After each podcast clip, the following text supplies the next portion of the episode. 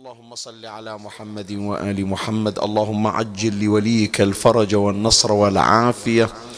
وانصره نصرا عزيزا وافتح له فتحا يسيرا وهب له من لدنك سلطانا نصيرا. رب اشرح لي صدري ويسر لي أمري. واحلل عقدة من لساني يفقه قولي. يا كاشف الكرب عن وجه أخيه الحسين. اكشف كربي بجاه أخيك الحسين. نادي عليا مظهر العجائب تجده عونا لك في النوائب. كل هم وغم سينجلي بولايتك يا علي. يا علي يا علي يا أبا الغوث أغثني. يا فارس الحجاز أدركني بلطفك الخفي ولا تهلكني. يا مولاتي يا فاطمة بنت محمد أغيثيني يا سيدتي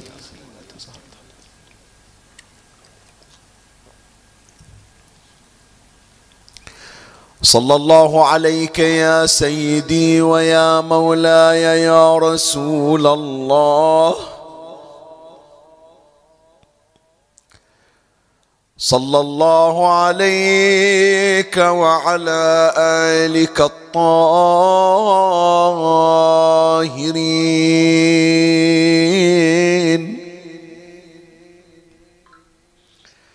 فاز من اعتصم بكم وأمنا من لجأ إليكم. يا ليتنا كنا معكم سعادتي. فنفوز فوزا. عظيما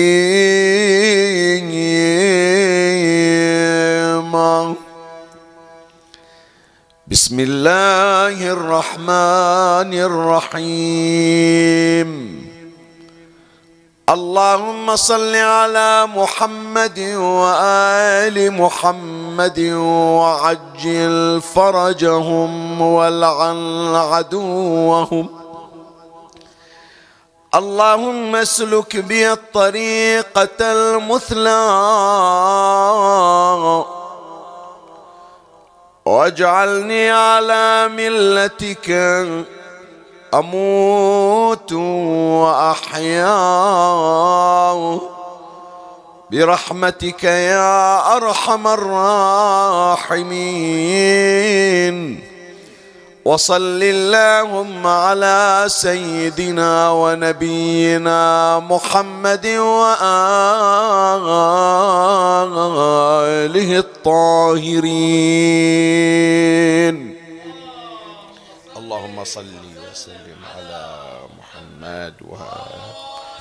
في هذا المقطع الشريف من دعاء إمامنا علي بن الحسين زين العابدين صلوات الله عليه. وهو الدعاء المعروف بدعاء مكارم الأخلاق ومرضي الأفعال. يحثنا الإمام سلام الله عليه في عبارة لا تحتاج إلى سطر كامل بس بل هي مقتصرة على نصف سطر. وبكلمات لا تتجاوز العشر كلمات. يدعونا إلى أن نكون مميزين في أفعالنا وتصرفاتنا وفي طريقة تعاملنا مع الآخرين. لا يرضى الإمام سلام الله عليه حينما تتعامل مع الآخرين لا أن تكون أدنى منهم ولا أن تكون مساويا لهم. وإنما يريد منك الإمام سلام الله عليه كرجل مسلم كشخص مؤمن كفرد يتحلى بولايته لأهل البيت عليهم السلام أن تكون نموذجا في التعامل. في حديث عن الإمام الصادق عليه السلام يقول ليس منا ولا كرامة. شوف التحذير في العبارة شوف التحذير في العبارة. ليس منا يعني هذا من حسب من شيعتنا مو معنى هذا بأنه ليس بشيعي. شيعي. وإنما لم يصل إلى درجة الكمال في التشيع. وشوف عبارة ولا كرامة يعني هذه مبالغة مبالغة في الطرد وفي النفي وفي الإقصاء. شوف لما يقول ذاك البعيد روح غير مأسوف عليك. هي كلمة روح الطرد في حد ذاتها مؤذية. هالدور يلحقون مع عبارة الطرد يقولون غير مأسوف أكو واحد يطردونه ويتأسفون على طرده. وأكو واحد يطردونه ولا يحسون بفقدانه. ما مر إن شاء الله ما تمر عليكم هالعبارات. يقولون فلان غير مأسوف عليه. هذه ترجمة إلى عبارة ولا كرامة. يعني فلان لما ما يصير من شيعتنا أبدا ولا يؤسى عليه. فالإمام يقول ليس من شيعتنا ولا كرامة من كان في مصر فيه مئة ألف أو يزيدون وفي ذلك المصر من هو أورع منه. المصر ما يقصدون مصر جمهورية مصر العربية يقصدون البلد. فالإمام سلام الله عليه يقول يمكن يوم من الأيام أنت تطلع للدراسة في الخارج في أوروبا أو في الهند أو في أي مكان. يمكن يوم من الأيام تقرر السفر للسياحة أنت ويا عائلتك. تقول والله رايح أفرض إلى تركيا رايح لفلان مكان أوروبي. أقضي فترة فترة الصيف ولو بمقدار شهر أو أقل شهر. حتى ولو أسبوع حتى لو يوم واحد. الإمام يقول أريدك أنت تحمل مهمة التشيع. أريدك أنت تكون رسالة تروج بها إلى أهل البيت. مو معنى هذا تروح توقف بال Hyde Park بلندن وتصيح يا جماعة أنا شيعي والتشيع كذا؟ لا. وإنما في مشيتك تكون شيعيا في كلامك تكون شيعيا في المحل تكون شيعيا في الباص تكون شيعيا. من أول ما تطلع من بيتكم إلى أن ترجع إلى بيتكم في طريقك إلى المطار في صعودك إلى الطائرة في مساعدتك إلى الآخرين في تعاملك مع الآخرين في وقارك في سكونك في هدوءك في لبسك في عفافك في التزامك بصلاتك في أمانتك. لابد من يشوفون يقول هذا شنو؟ مخلوق جاي من فوق هذا؟ من خارج الكوكب كوكب الأرض؟ ما شفنا مثله في البشر. فيقولون لا هذا من البشر. هذا مولود على الكرة الأرضية. ولكن هذا تربى بآداب محمد وآل محمد صلوات الله عليه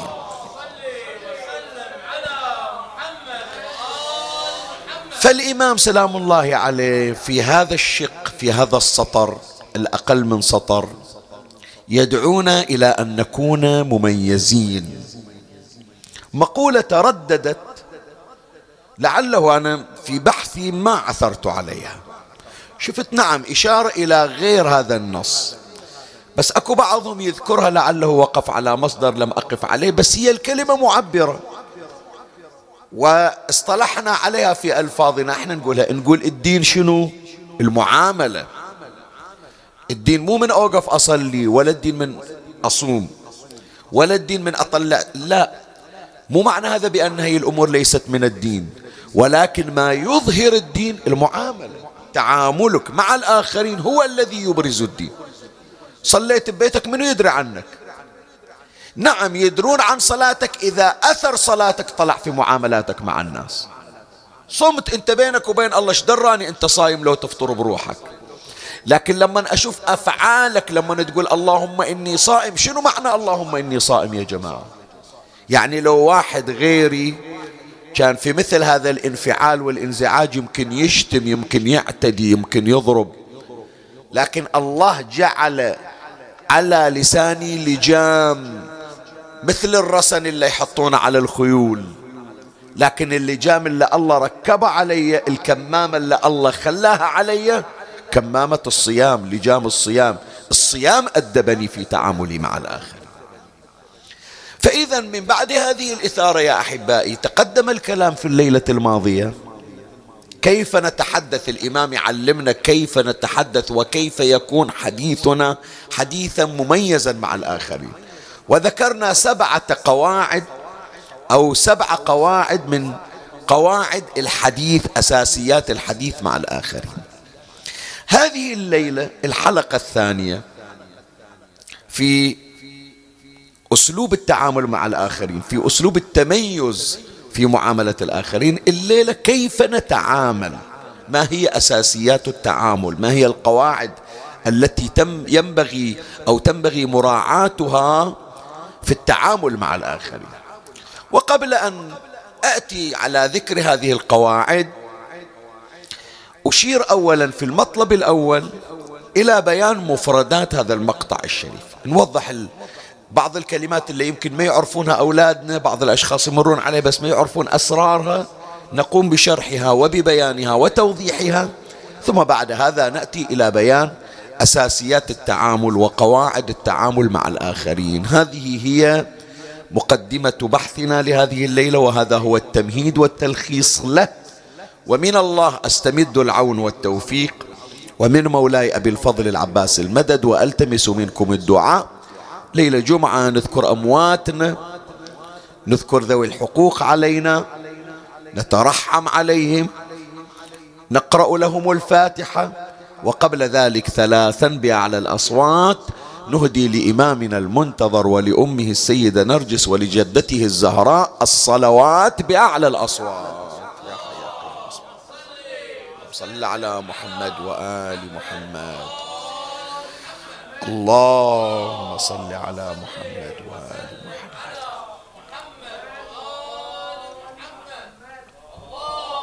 اللهم صل على محمد.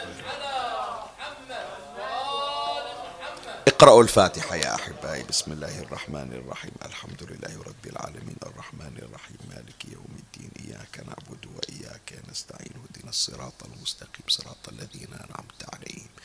غير المغضوب عليهم ولا الضالين. بسم الله الرحمن الرحيم. قل هو الله أحد الله الصمد لم يلد ولم يولد ولم يكن له كفوا أحد. اللهم صل وحدتهم وآنس وحشتهم وسكن روعتهم. خفف اللهم عنهم ثقل الثرى واغفر لنا ولهم يوم يقوم الحساب. المطلب الأول الفصل الأول من الحديث بيان بعض مفردات المقطع الشريف الذي تلوته. هناك مفردتان في هذا المقطع تحتاج إلى توضيح. أما المفردة الأولى الطريقة المثلى. الطريقة المثلى. أنت تقرأ في الدعاء اللهم اسلك بي الطريقة المثلى. الطريقة المثلى يعني شنو؟ الطريقة المثلى يعني شنو؟ الطريقة يقصدون بها المذهب الذي تمشي عليه. الآن إحنا لما يسألونك أنت على أي مذهب تقول أنا المذهب الشيعي الجعفري الاثني عشري مو تمام؟ زين شنو يعني مذهب؟ مذهب يعني طريقة صلاتي على أي طريقة أصلي. صيامي الآن الصلاة تختلف المذاهب أحيانا في تحديد الوقت خصوصا في وقت المغرب. إخواننا من أهل السنة يسبقون بمجرد غياب قرص الشمس. إحنا مجرد غياب قرص الشمس ما يكفي. بعد هذا ما اسمه غروب. الغروب الشرعي عندنا بأن تنجلي تلك الحمرة بأن تذهب تلك الحمرة اللي يعبرون عنها بالحمرة المشرقية. إذا راحت إذا أظلم الوقت سموها مغرب. فأنت تمشي على أي طريقة على أي مذهب. المذهب الشيعي الجعفري. فالطريقة يعني المذهب الذي تسير عليه. وفي كل شيء يا إخواني في كل شيء أكو مذهب أكو مذهب فقهي أكو مذهب في دراستك الجامعة اللي أنت فيها إلها طريقة في التدريس. أكو مذهب مثلا في السلوك في التعامل من بيت إلى بيت عندهم طرق وطرق في الطبخ طرق في التربية تمام لولا فإذا لما تمر علينا هذه العبارة في الدعاء اللهم اسلك بي الطريقة المثلى يعني المذهب الذي يرضيك. هذا اللفظ القرآن ذكره ذكره على لسان سحرة فرعون. شوف السحرة لما آه، أرادوا أن يتكلم أن يتكلموا عن موسى وهارون. شوف إيش قالوا القرآن ذكر عبارة الطريقة المثلى. قال على لسان سحرة فرعون قالوا إن هذان إلا إن هذان لساحران يريدان أن يخرجاكم من أرضكم بسحرهما ويذهبا بشنو؟ بطريقتكم المثلى. يعني أنتوا السحرة يقولون بأن مذهبنا إحنا إلا ماخذين فرعون ربنا الأعلى هو ربنا الأعلى. هذا أحسن المذاهب وأحسن الأديان.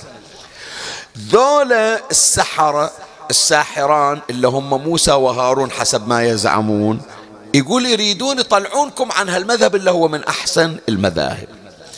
فأنت في الدعاء تقول يا ربي أريد من عندك تخليني على أفضل مذهب. شنو المذهب اللي يقربني إليك؟ اللي عبر عنها الدعاء بالطريقة المثلى. طيب إذا عرفنا بأن الطريقة المثلى يعني المذهب الخطة التي أسير عليها وفق أي خطة حتى أكون أقرب إلى الله. خلنا نشوف حقيقة الطريقة المثلى. شيخنا ما عرفنا يعني شنو طريقة مثلى؟ شنو يعني مذهب؟ إيش أسوي حتى أكون على الطريقة المثلى على المذهب الصحيح؟ أول معنى يا إخواني أول حقيقة شوف مراتب أنا أجيبها إليك. أول حقيقة من حقائق الطريقة المثلى تقوى الله عز وجل.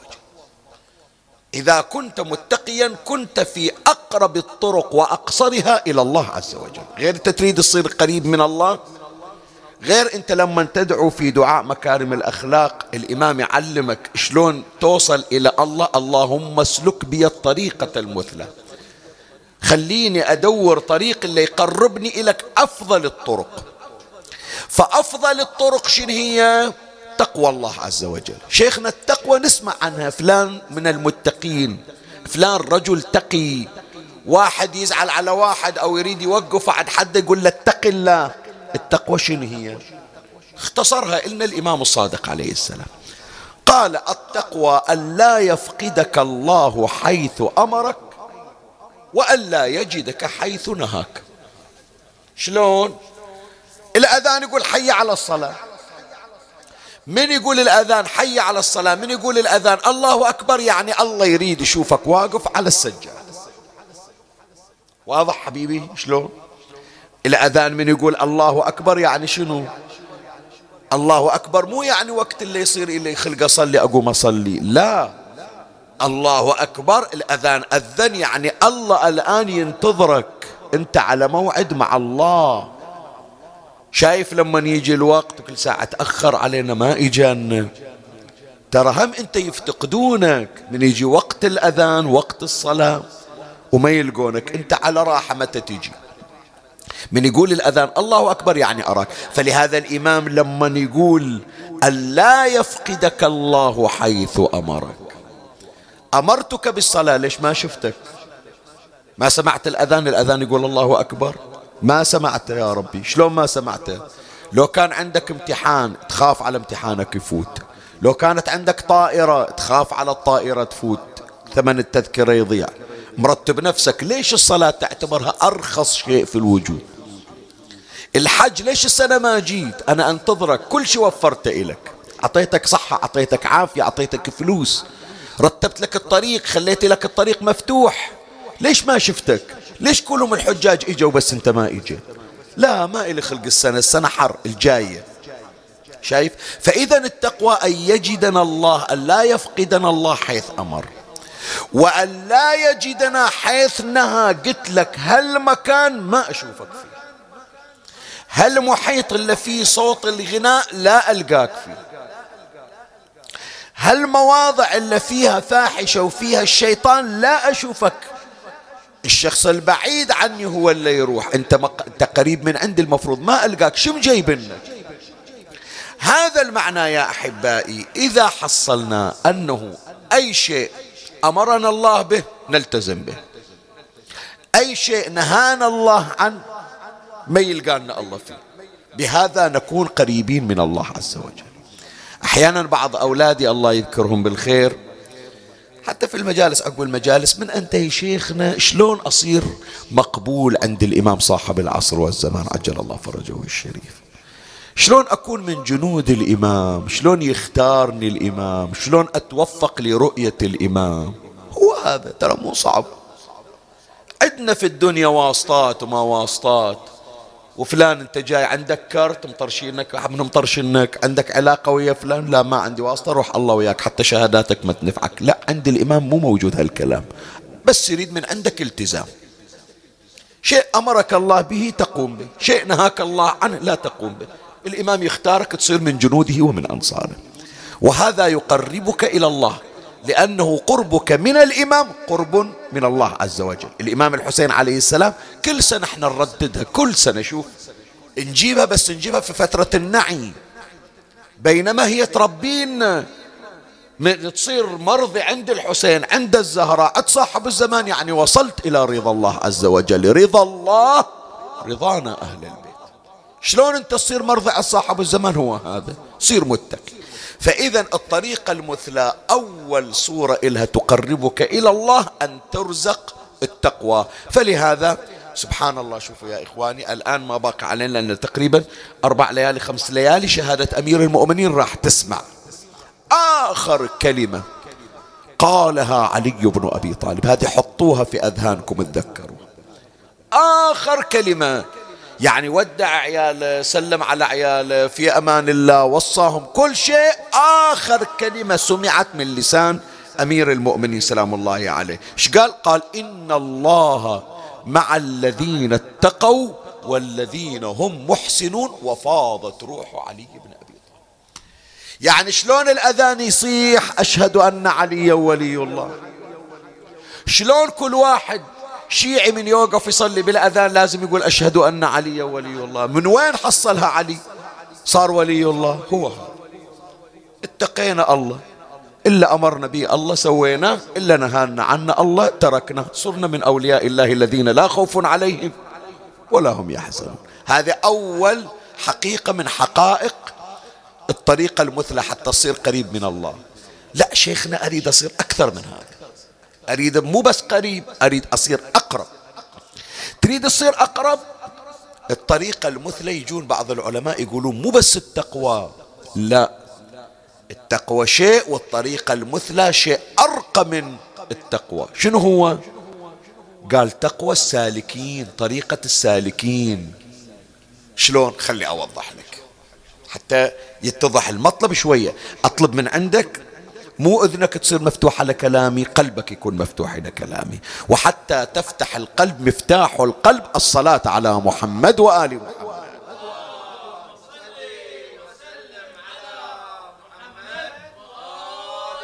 مولاي الكريم قلنا بأن التقوى تفعل الواجب وتترك الحرام. تمام لولا؟ هل يمكن في يوم أن الحرام يصير حلال؟ يصير. يصير. شلون يصير؟ ما عندنا إحنا الضرورات تبيح المحظورات. قاعدة هذه الضرورات تبيح المحظورات. محظور يعني شنو؟ يعني محرم ممنوع عنك. شو اللي خلاه حلال؟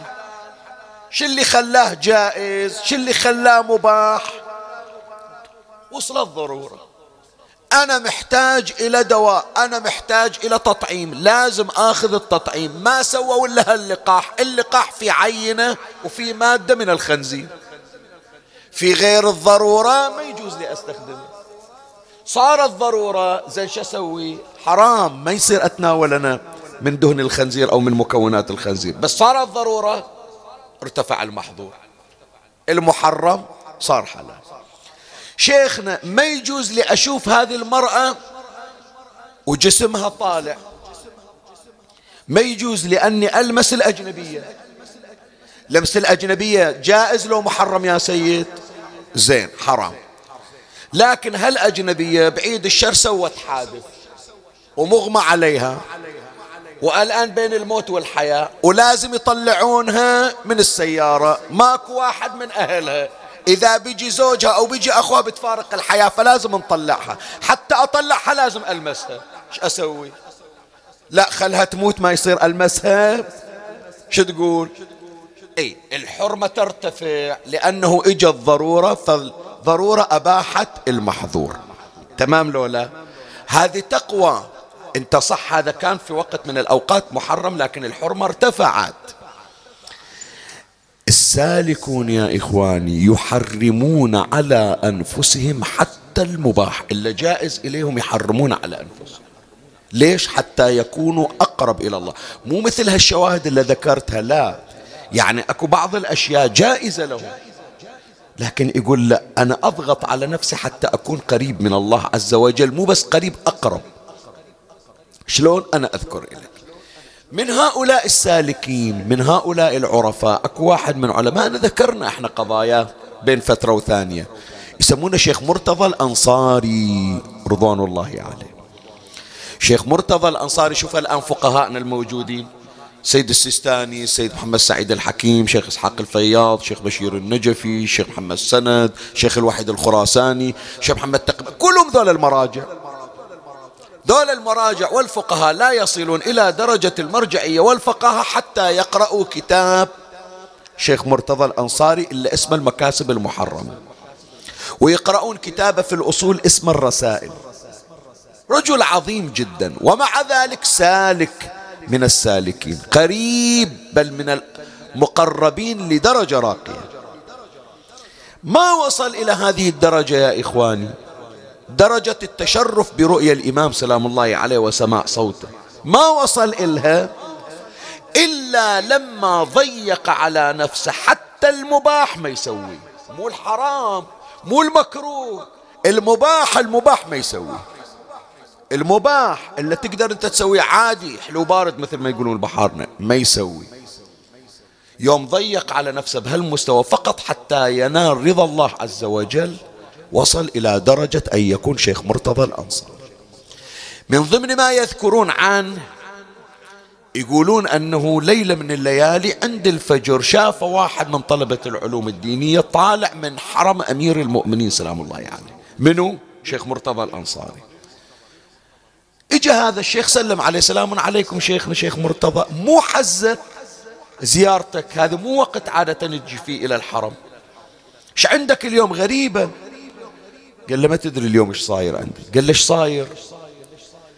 قال زوجتي ثلاثة أيام تمخض وقد تعسرت عليها الولادة والليلة بين الموت والحياة. لا هي اللي وضعت ولا هي اللي تسهل أمرها ولا هي اللي ماتت. قال له زين ليش ما جبت لها داية؟ ليش ما جبت لها قابلة؟ قال له القابلة تحتاج إلى درهمين. الداية القابلة كروتها أجرتها درهمين. قال زي غير درهمين. درهمين يركبون فيها العبرية يعني. قال ما عندي درهمين. درهمين ما عندي. مع قال لي شيخ مرتضى أنت درهمين ما عندك يصير. مرجع الطائفة زعيم الحوزة.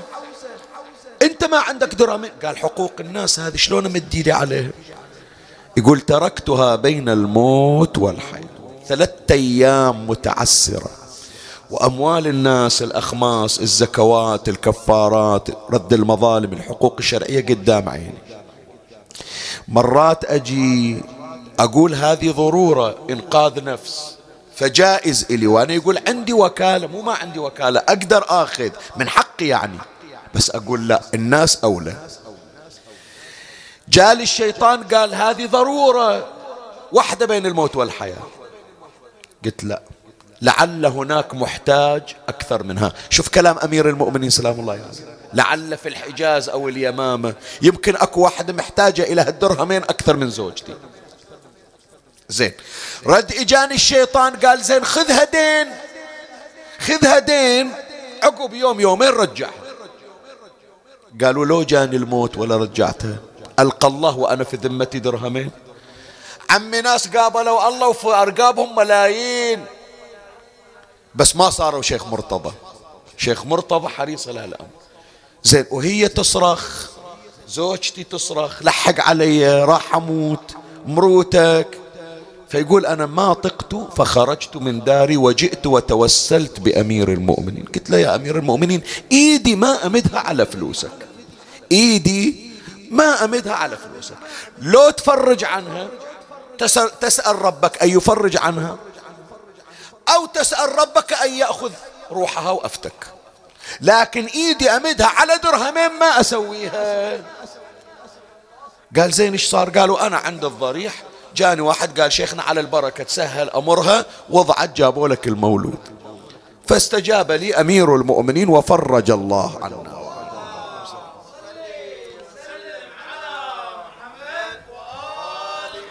هالمقام يا جماعة حصلوه ببلاش؟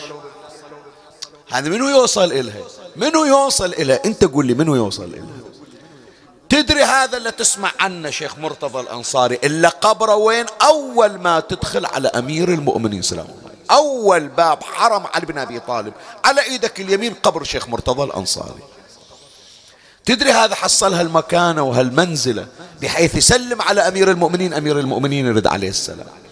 من القبر يرد عليه السلام. من وين حصلها؟ تدري يوم توفى شيخ مرتضى؟ اجوا إلى أهله.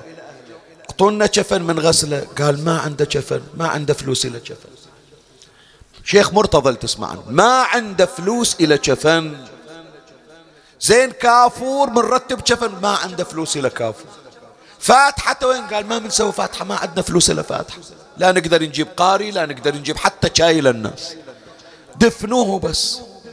تاليها واحد من المؤمنين تبرع إلى زعيم الطائفة زعيم الحوزة بجفن وحنوط وملة يقرأ له وسواله فاتحة من فلوس الناس تبرعوا له. شيخ مرتضى تسمع. عمي صدق تحكي أنت قول لي. صدق تحكي هذولا تجاوزوا مرحلة التقوى إلى ما فوق التقوى. هاي الطريقة المثلى يا جماعة. ما وصلوا إلها مجان. اللهم اجعلني اللهم اسلك بالطريقة المثلى. يعني أن أحتذي بحذو هؤلاء السالك. زين أكو شيء بعد يا سيد أكثر من هذا؟ شو تقول؟ في شيء أكثر من هذا لو هذا غاية المرام؟ لا في شيء أكثر من هذا. في ناس حتى اللي سواه شيخ مرتضى ما يجيب راسه. شو تقول أنت؟ يجون الناس يقول لك مو أصير متقي ولا أصير سالك مثل شيخ مرتضى لا. ما يجي براسي إلا أني أصير مثل علي بن أبي طالب. أيوة. يجي يقول من أقرأ من أفتح الكتاب وأشوف سيرة أهل البيت لا أتعدى عن سيرة أهل البيت بمقدار أنمل صح يبقى علي بن أبي طالب مقامه خاص.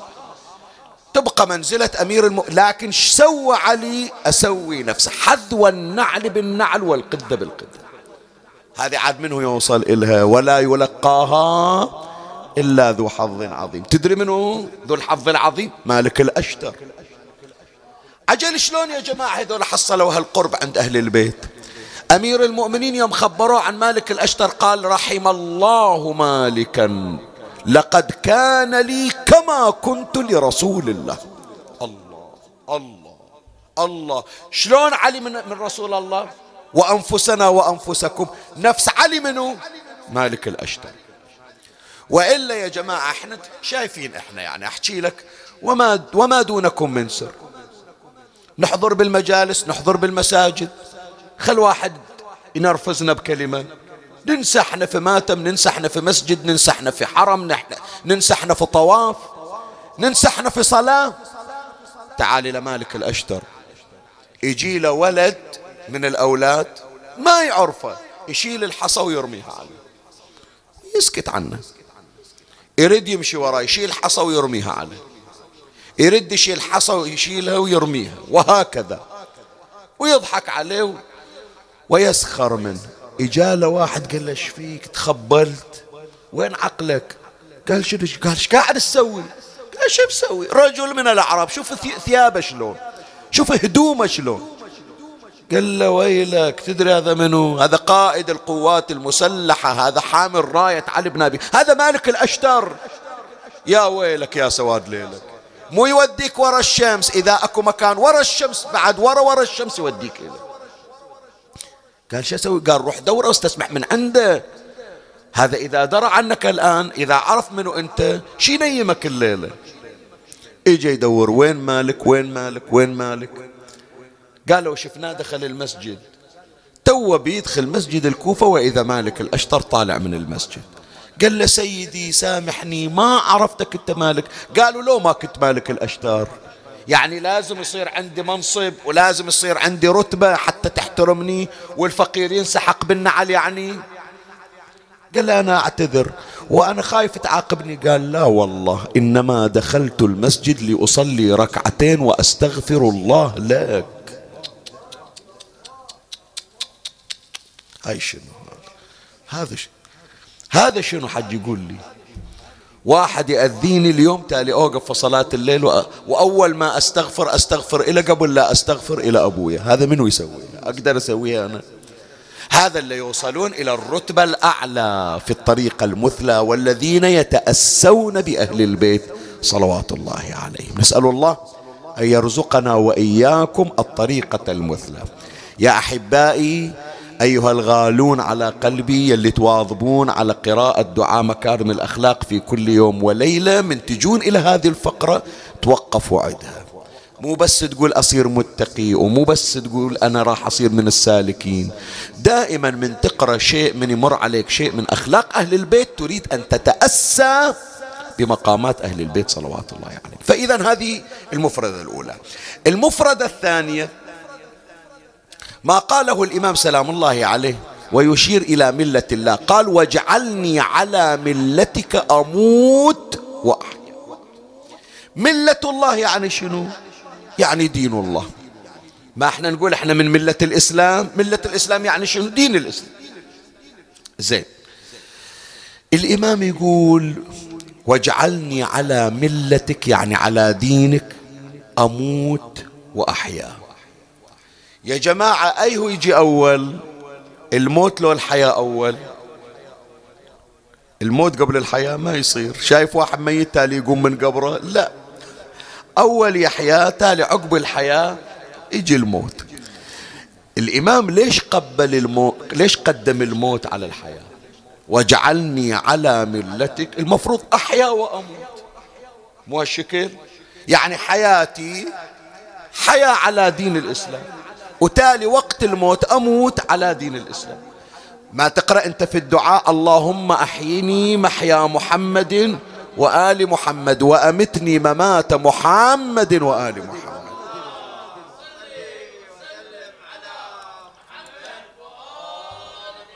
فتقدم الحياة على الموت شيء طبيعي يعني منطقيا هذا الكلام.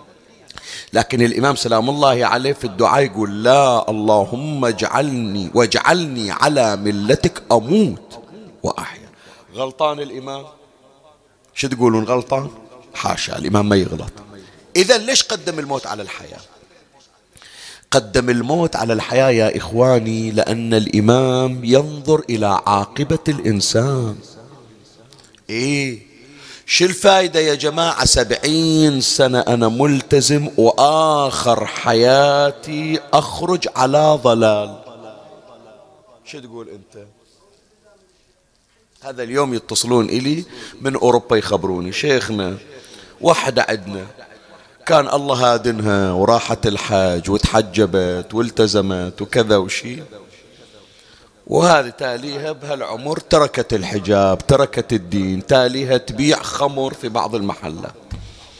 هذا لو يجيها الموت في تلك الساعة شو تقول الله بعد فراغها من طواف بيت الله بعد التزامها بحجاب فاطمة وزينب. زين شو تقول؟ وندعو لها طبعا بالهداية. وهذا إحنا ما نبادر لإقصائهم ولطردهم لا والعياذ بالله. وإنما نسأل من الله تبارك وتعالى أن يبعث لهم هدية الهداية قبل حضور الموت.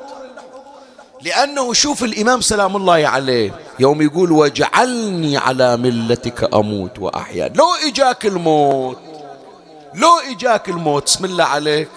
وأنت قائم على المعصية على الذنب على الخطيئة. تالي شو تقول الله يا الله ستين سنة ستين سنة شو سويت في النهاية؟ في النهاية إيش سوى؟ ولهذا يا إخواني الإنسان المؤمن دائما يفكر في أن يختم حياته بخير. اي نعم واجعل خير أعمالي خواتيمها وخير أيامي يوم ألقاك. صح سبعين سنة لكن أريد آخر هالسبعين سنة يجيني يوم إلا أخرج أفضل أيامي. أحسن صلاة صليتها. أحسن عبادة سويتها. من هنا يقول رسول الله صلى الله عليه وآله لا يزال المؤمن خائفا من سوء العاقبة. خايف. ما أدري آخر حياتي شي راح يصير. لا يزال المؤمن خائفا من سوء العاقبة. لا يتيقن الوصول إلى رضوان الله حتى يكون وقت نزع روحه. إذا إجا الموت يقول الحمد لله رب العالمين قضيناها على خير. إيه حتى يكون وقت نزع روحه وظهور ملك الموت. ذيك الساعة يطمئن. فلهذا حتى ملك الموت يجي بشر يقول له عليك بالعافية. انقضت حياتك لكن طلعت بوجه أبيض. ولله الحمد ولله المن يقول أمير المؤمنين سلام الله عليه العاقبة تضحك على العمل. زين إذا تجلى هذا لنا توضحت لنا هذه المطالب في هذه الفقرة. خلنا نيجي الآن نشوف قواعد التعامل مع الناس. الإمام يعلمنا شلون أنت من تريد تتعامل ويا الناس يا سيد شو تسوي؟ تعاملك مبني على شنو؟ إحنا البارحة ذكرنا أساسيات التحدث مع الناس قواعد التحدث مع الناس ذكرنا سبع. تعاملك مع الناس سبع قواعد. خلي أذكرها لك الآن سريعا حتى نختم. القاعدة الأولى. إلا لازم قبل لا تتصرف قبل لا تتعامل أي تعامل؟ بيع شراء زواج طلاق معاملة ما كانت معاملة كل معاملاتك قائمة على هذا الأساس. واحد تعامل مع الآخر من حيث أنت لا من حيث هو. شيخنا يستاهل. ما عليك منه يستاهل لو ما يستاهل. أنت ترضاها على نفسك لو ما ترضاها على نفسك. حتى الشيء اللي تحب توديه للناس. حتى الشيء اللي تحب الناس تشوفه من عندك. لا تشوف شيء يحبون الناس شوف انت شو تحب. ولا تحبه تعطيه للآخرين إيه؟ شلون يعني أنا أقول لك؟ أنا أقول لك حتى أوضح لك هذا المثل. يجيك فقير على الباب. الفقير يرضى بقرصة خبز. انت لو قاعد في البيت وحطوا لك الفطور ترضى بقرصة خبز؟ لو ترضى بسفرة كاملة؟ أصلا حتى الصحن الحلاوة لو ما بتاكل لكن إذا قصرت الليلة على الفطور ليش ما حطيتون الجلي؟ ليش ما حطيتون الكراميل؟ ليش ما حطيتون القيمات تمام لولا مع العلم ما بتاكله. فأنت إذا أحببت شيئا لنفسك فاحببه لغيرك. تعاملك هالشكل. مو والله شيخنا عادي ما يقول شيء. لا. بتخاصم وياه يستاهل صحي ويستاهل. لكن انت ما تستاهل يطلع من عندك الخطأ. شوف أهل البيت عليهم السلام. إذا أرادوا أن يقدموا شيئا للآخرين ما يقولون شيء يكفوا الناس. لا. الشيء اللي يحبونه إيه اللي يحبونه هم يعطونه إلى الناس. لن تنالوا البر حتى تنفقوا مما تحبون. أذكر لك الرواية الجميلة. إحنا ذكرناها بس أريد أوقف عند هالكلمة هذه لأنها هي موضع شاهدي. الرواية يرويها الإمام الصادق عليه السلام عن جده الإمام علي بن الحسين زين العابدين صلوات الله عليه. مثل هالأيام في شهر رمضان. شو يسوي الإمام الصادق. شو يسوي الإمام زين العابدين عليه السلام؟ قال الإمام الصادق عليه السلام كان علي بن الحسين عليهما السلام إذا كان اليوم الذي يصوم فيه. أمر بشاة فتذبح وتقطع أعضاء وتطبخ. فإذا كان عند المساء يعني قبل الفطور فإذا كان عند المساء عند المساء شوف هالكلمة حط بالك. هذا أنا هالشرح ما جايب لنا فإذا كان عند المساء أكب على القدور. شنو يعني أكب على القدور يا سيد؟ يعني قبل الفطور إجا يبطل القدور يشتم الريحة. زين ليش؟ ليش؟ أصلا حتى عندنا إحنا متعودات أمهاتنا ما مش طابخة تباعد أنت صايم لين أذن تالي من اعطيك تمام لو لا؟ الإمام لا قبل الأذان. يقول الإمام الصادق عليه السلام فإذا كان عند المساء أكب على القدور حتى يجد ريح المرق وهو صائم. إيه يقول هي الريحه اللي أحبها هي الريحه الشهية هذا الطعم اللذيذ هذا اللي يتونسون عليه جيراننا. شوف عاد إن شاء الله تقول يشم الريحه حتى هو يشبع بطنه. لا حتى فإذا كان عند المساء أكب على القدور حتى يجد ريح المرق وهو صائم ثم يقول هاتوا القصاع المواعين يعني هاتوا القصاع. اغرفوا لآل فلان اغرفوا لآل فلان ثم يؤتى بخبز وتمر فيكون ذلك عشاء. اللحم والمرق اللي يحبه إلى الجيران هو خبز وتمر. بس هذا يكفيني. زين ليش واقف على القدور وتشتم؟ يقول لأني أنا ما أودي لهم الأكل الطايح إلا ما أحبه. ألذ الأشياء عندي هي أودي. فأنت يوم اللي بتتعامل ويا الآخرين دائما اتعامل كما تحب. هدية كما تحبها أنت. ألفاظ حتى لو تقول لا شيخي إنه يستاهل صح هو يستاهل لكن أنت ما تستاهل أن هذا اللفظ يطلع من عندك. فإذا أول قاعدة أن تتعامل مع الآخر من حيث أنت لا من حيث هو. القاعدة الثانية أن تتعامل مع الآخر من منطلق الإنسانية. هذا شلون أنا بعطيه هدية؟ شلون أنا بقاطعة؟ شلون أنا بسوي له مكان؟ شلون أنا بساعده؟ سؤال أسأل. أنت رايح المطار يوم من الأيام للزيارة. ال...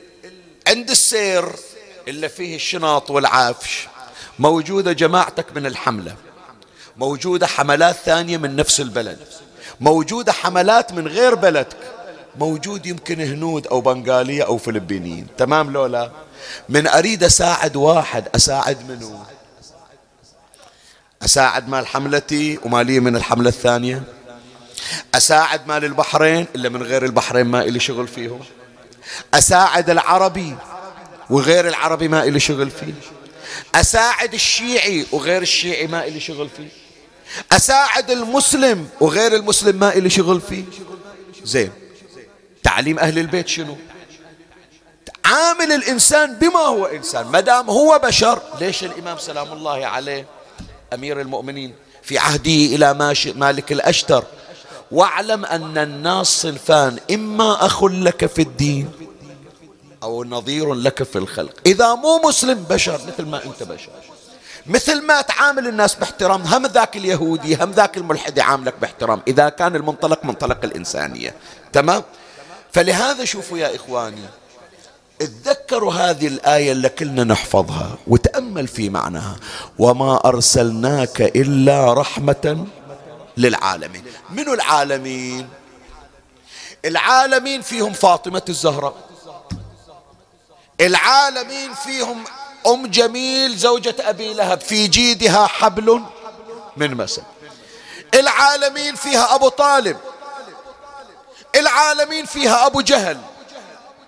ورسول الله أبو القاسم محمد رحمة للجميع.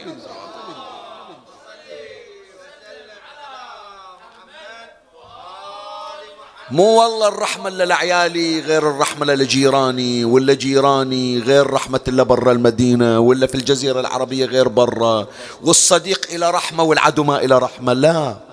تعلمنا مولاتنا الزهراء عليها السلام تقول الجار ثم الدار. أصلا الرحمة الرحمة أوديها للغير قبل لا تجي. فإذا القاعدة الثانية أن تتعامل مع الآخر من منطلق الإنسانية. مهما كان دينه مهما كانت علاقتك به.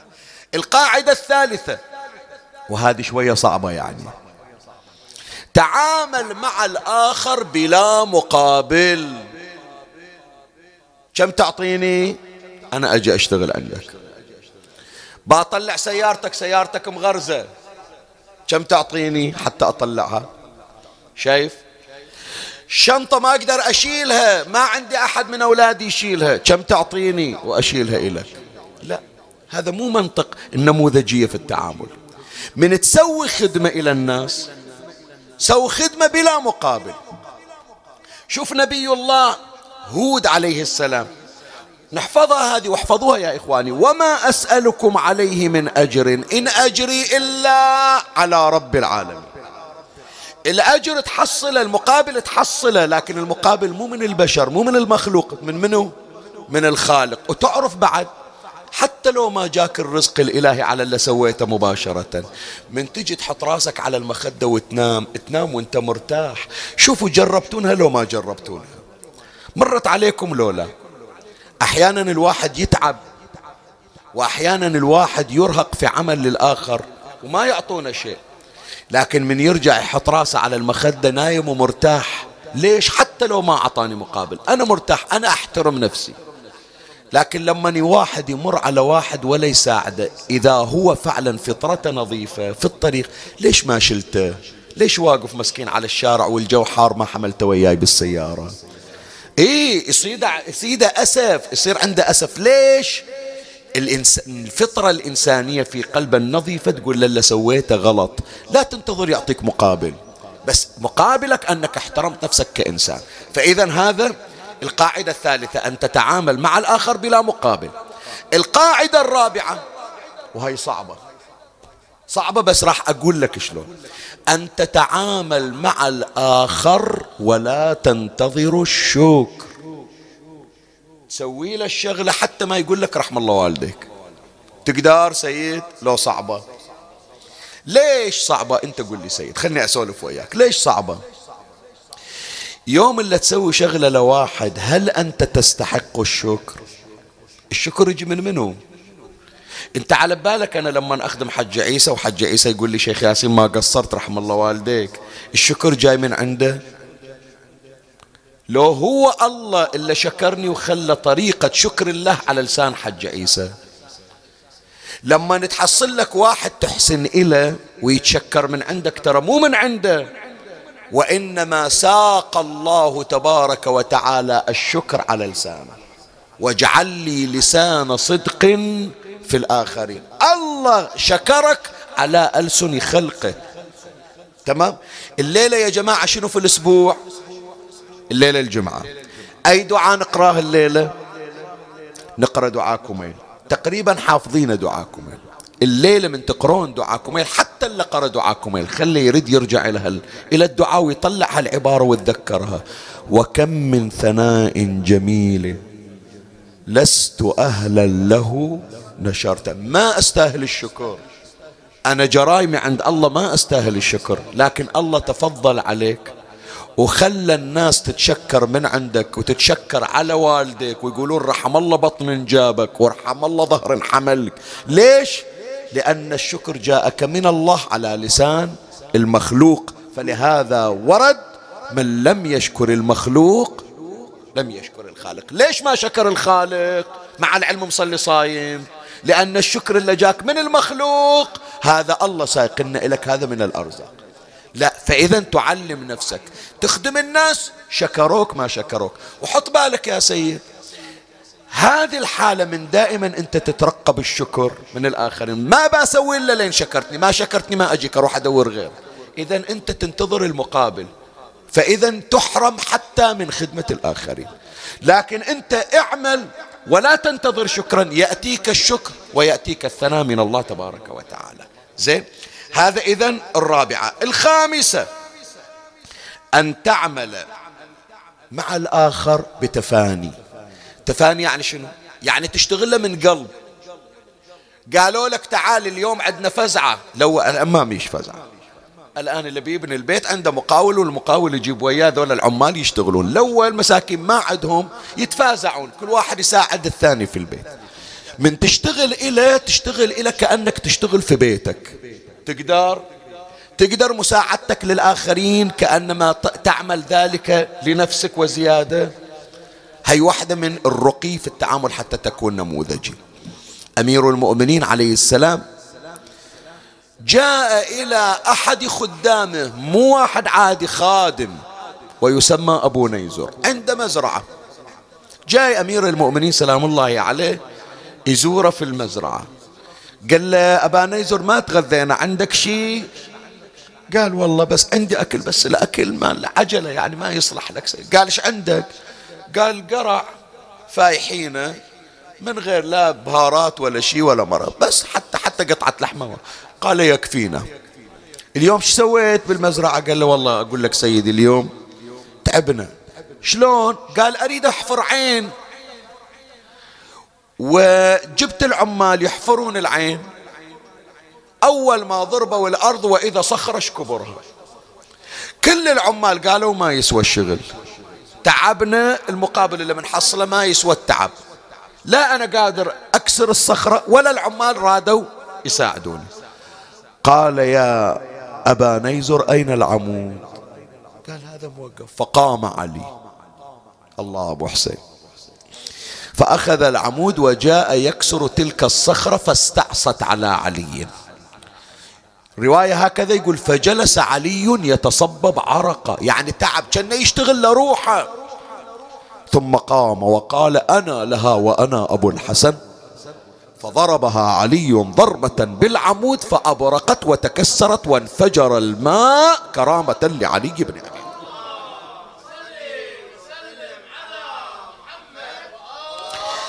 فإذا يا أحبائي القاعدة الثانية من تشتغل إلى واحد مو شغل بس حتى دفع عتب لا. وإنما عمل بغرض أن تكون نعم متفانيا فيه كأنما تشتغل لنفسك حتى عملك يكون محل تقدير تحترم نفسك ويحترمونك الآخرين الآخرون لما صنعت. القاعدة السادسة أن تعمل مع الآخر وأنت ممتن له.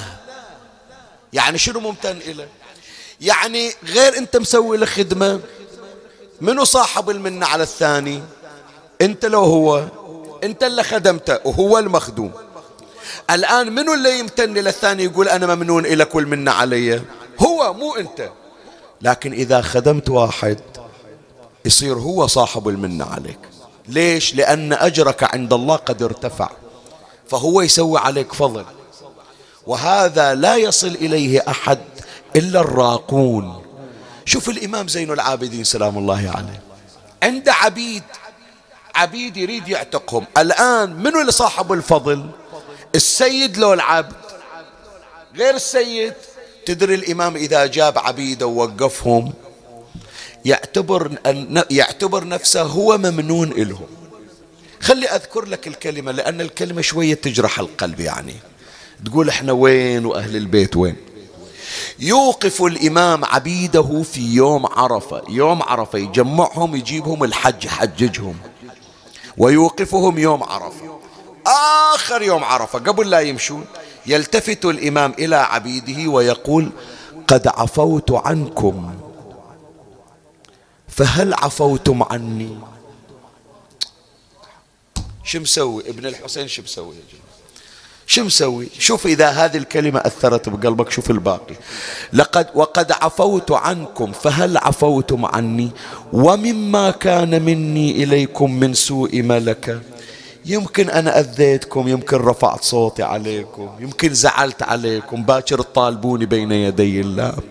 وما كان مني إليكم من سوء ملكة شوية الكلمة يعني سامحني يا سيدي.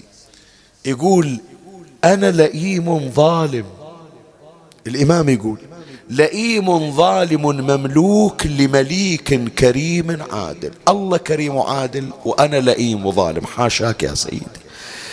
لمليك كريم عادل محسن متفضل. أريدكم تعفون عني حتى الله يعفو عني. لأن أخاف أنا أذيتكم باكر الله يطالب. فيرفعون أيديهم ويقولون قد عفونا عنك يا سيدي. فيقول الإمام ارفعوا أيديكم وقولوا اللهم اعف عن علي بن الحسين. كما عفى عنا واعتق علي بن الحسين من النار كما أعتقنا من اعف عن علي بن الحسين. واعتق الإمام يقول عفوت عنهم. اللهم اعف عني كما عفوت عنهم. هالشكل يا جماعة إذا سويت خدمة إلى واحد الله موفق أنك أنك تصير سبب لحوائج الآخرين. فاشكره أن جعلك الله باب للحوائج. هذا الخطوة الثانية أن تكون ممتن للآخرين. وختاما خلاص مجلسنا انتهى. عمي أسألك الدعاء. الخطوة السابعة والأخيرة وهي القاعدة السابعة. إذا أردت أن تخدم أحدا وأن تتعامل مع أحد لا تطالع تاريخه لا تطالع ماضي لا تقول هذا ما يستاهل تاريخه أسود مظلم لا. انظر إلى حاجته الفعلية. الشيطان يجي يقول لك تقول ما شفت إلا هذا هذا يستاهل؟ لا لا لا لا لا, لا. انسى كل شيء.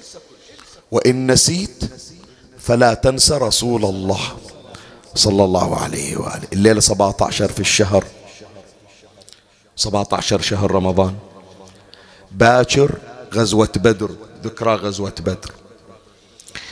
جيء إلى رسول الله صلى الله عليه وآله برأس أبي جهل. تعرف أبو جهل شو مسوي بالنبي يا سيد؟ شو مسوي بجدك؟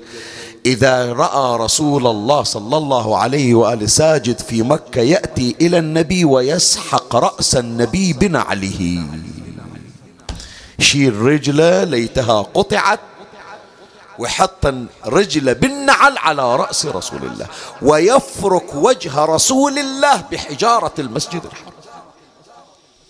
باكر النبي يصيح يا جماعة باكر النبي يصيح يقول اللهم إن لكل نبي فرعون وفرعون هذه الأمة أبو جهل اللهم عليك بأبي جهل اللهم عليك بأبي جهل. والله استجاب للنبي وقتل أبو جهل قتله عبد الله بن مسعود قطع راسه وجاب الراس إلى النبي. قال له يا رسول الله شوف هذا اللي كان مأذنا هذا اللي كان يعذبنا في مكة هذا اللي حط رجله على رأسك الشريف. شوف الله شلون ذله فلما رأى النبي رأس أبي جهل يعني بلاء ارتفع عن المسلمين سجد لله شكرا. شال رأس النبي قال له يا ابن مسعود الرأس جبته الجسد وين؟ قال له الجسد بلا رأس على التراب. قال يا ابن مسعود ادفنوا أجسادهم ولا تتركوها في العرب أي والله. ما قال هذا اللي أذاني. ما قال هذا اللي كان في مكة يؤذيني ويشتمني ويضع رجله على رأسي. يقول شلون أخلي جسد على التراب والدم يسيل. ولا جاء ذلك اليوم إلا والأجساد كلها قد جمعت في حفرة واحدة. وإجا النبي ووقف عند البير وصاح يا أبا جهل ويا أمية بن خلف ويا عقبة بن ويا فلان ويا فلان هل وجدتم ما وعدكم ربكم حقا؟ فإني وجدت ما وعدني ربي حقا. دفنوهم لا تخلونهم أجساد على التراب. وين راح قلبك سيد؟ يا نبي الرحمة يا رسول الله. أخذتك الشفقة على أبي جهل عدو فرعون هذه الأمة. لم ترضى بأن تترك جثمانه على التراب. ليتك كنت حاضرا يا رسول الله بعد ستين سنة إلى كربلاء لترى حسينا على التراب. أبو جهل حتى لو ظل على التراب وهو كافر على الأقل ما واحد نزع هدومه. وحسين جردوه من ملابس ونادى عمر بن سعد إذا قتلتم حسينا فأوطئوا الخيل صدره. أقول هالكلمة أول مرة بحياتي. وبالرخصة منك يا رسول الله. أبو جهل اللي شال رجله بالنعل خلاها على راسك. ما رحت لجناسته ودست عليه بالنعل. وحسين وطأ شمر بنعله على صدره. وما كفاهم ذلك دون أن أوطأوا صدره الخيل حتى تفصلت أوصاله. ويقول زين العابدين أنا بالخيمة وأسمع أضلاع والدي تتكسر كما تتكسر القوارب أنا قايل هالكلمة أقول لو توقف عند المخيم اليوم وواحد يكسر لك بطل عند حرم الحسين ما تسمع الصوت. وزين العابدين بالخيمة وهذا الحسين هناك عند القبر وكل ضلع ينكسر من الحسين. بإذن رقية بإذن سكينة بإذن زين العابدين. الله يساعدها زين. فخرجنا من الخدور. على الخدود لاطمات وبالعويل داعيات. وزينب أمامهن أفتر في ظلام الليل وامشي على الجدم قوة. وشفت على الثرى مرمي وأقول أن هو مو. هو إيش عند الشمر وياي؟ هيك بمنحرك سوى إيش سوى ضربني الشمر يا أخويا وصوته بمتني يتلو زينب يوم وصلتي للحسين إيش سويتي؟ قالت فرشت عبايتي على القاع يوم العاشر بعاشور. وقمت اجمع وصالة وشفت كم ضلع مكسور. زينب شفتي؟ شفت شوية من قلبه وشفت الخنصر المبتور. ترى بس الراس ما شفته شفت المنحر المنحور أويلي. زينب إيش سويتي؟ قمت عاتب العدوان يا خويا وشفت رجل الخيل. قميصك في حوافرها تدوس من الظهر لله يعني يوم داست على صدر الحسين قميص الحسين راح في حافر الخيل قمت عاتب العدوان يا خويا وشفت رجل الخيل. قميصك في حوافرها تدوس من الظهر لليل. ما وخرت يا خويا تفصل بالجسد تفصيل لحمك في حوافرها ودمك بالتراب يسيل.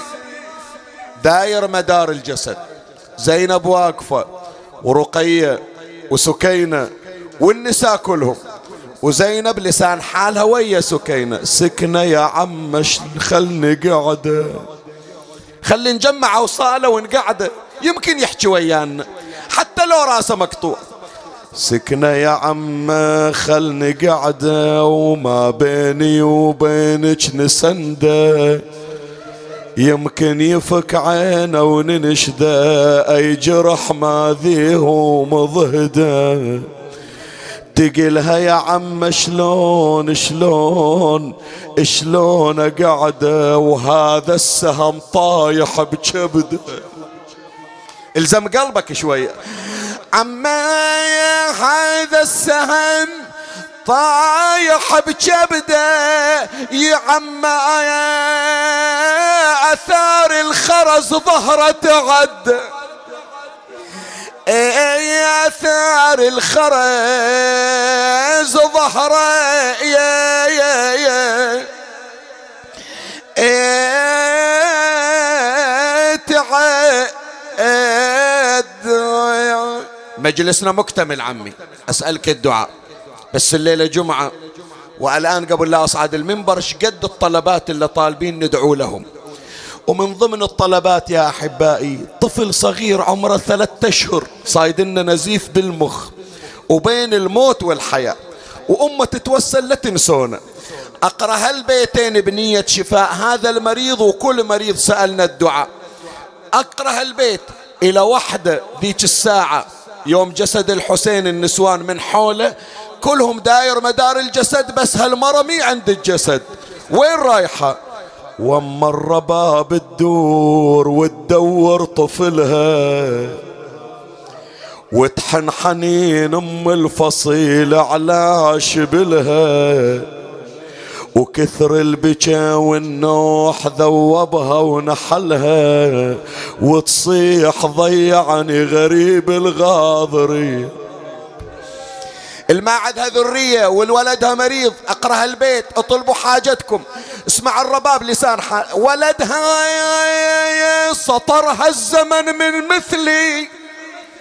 ولدها على العين وأخذ منها ولدها ولدها يا ابن الأشد والاصعاب ولدها بمحل المهد سوينا غزية أثار الولد يا ناس غالي يا محلاه يضوي في الليالي. أدورا على يميني وشمالي أهز بالمهد والمهد. فإليك يا ربي نصبت وجهي وإليك يا ربي مددت يدي فبعزتك استجب لي دعائي وبلغني مناي ولا تقطع من فضلك رجائي واكفني شر الجن والإنس من أعدائي. يا سريع الرضا اغفر لمن لا يملك إلا الدعاء فإنك فعال لما تشاء. يا من اسمه دواء وذكره شفاء وطاعته غنى ارحم من رأس ماله الرجاء وسلاحه البكاء. يا سابغ النعم يا دافع النقم يا نور المستوحشين في الظلم يا عالما. لا يعلم صل على محمد وآل محمد وافعل بنا ما أنت أهله. وصلى الله على محمد وآله الطاهرين اشفهم بشفائك وداوهم بدوائك وخلصهم من بلائك. صب عليهم العافية صبا واقض حوائج جميع المحتاجين. عجل فرج إمامنا صاحب العصر والزمان. شرفنا برؤيته وارزقنا شرف خدمته. والحمد لله رب العالمين والفاتحة مع الصلوات.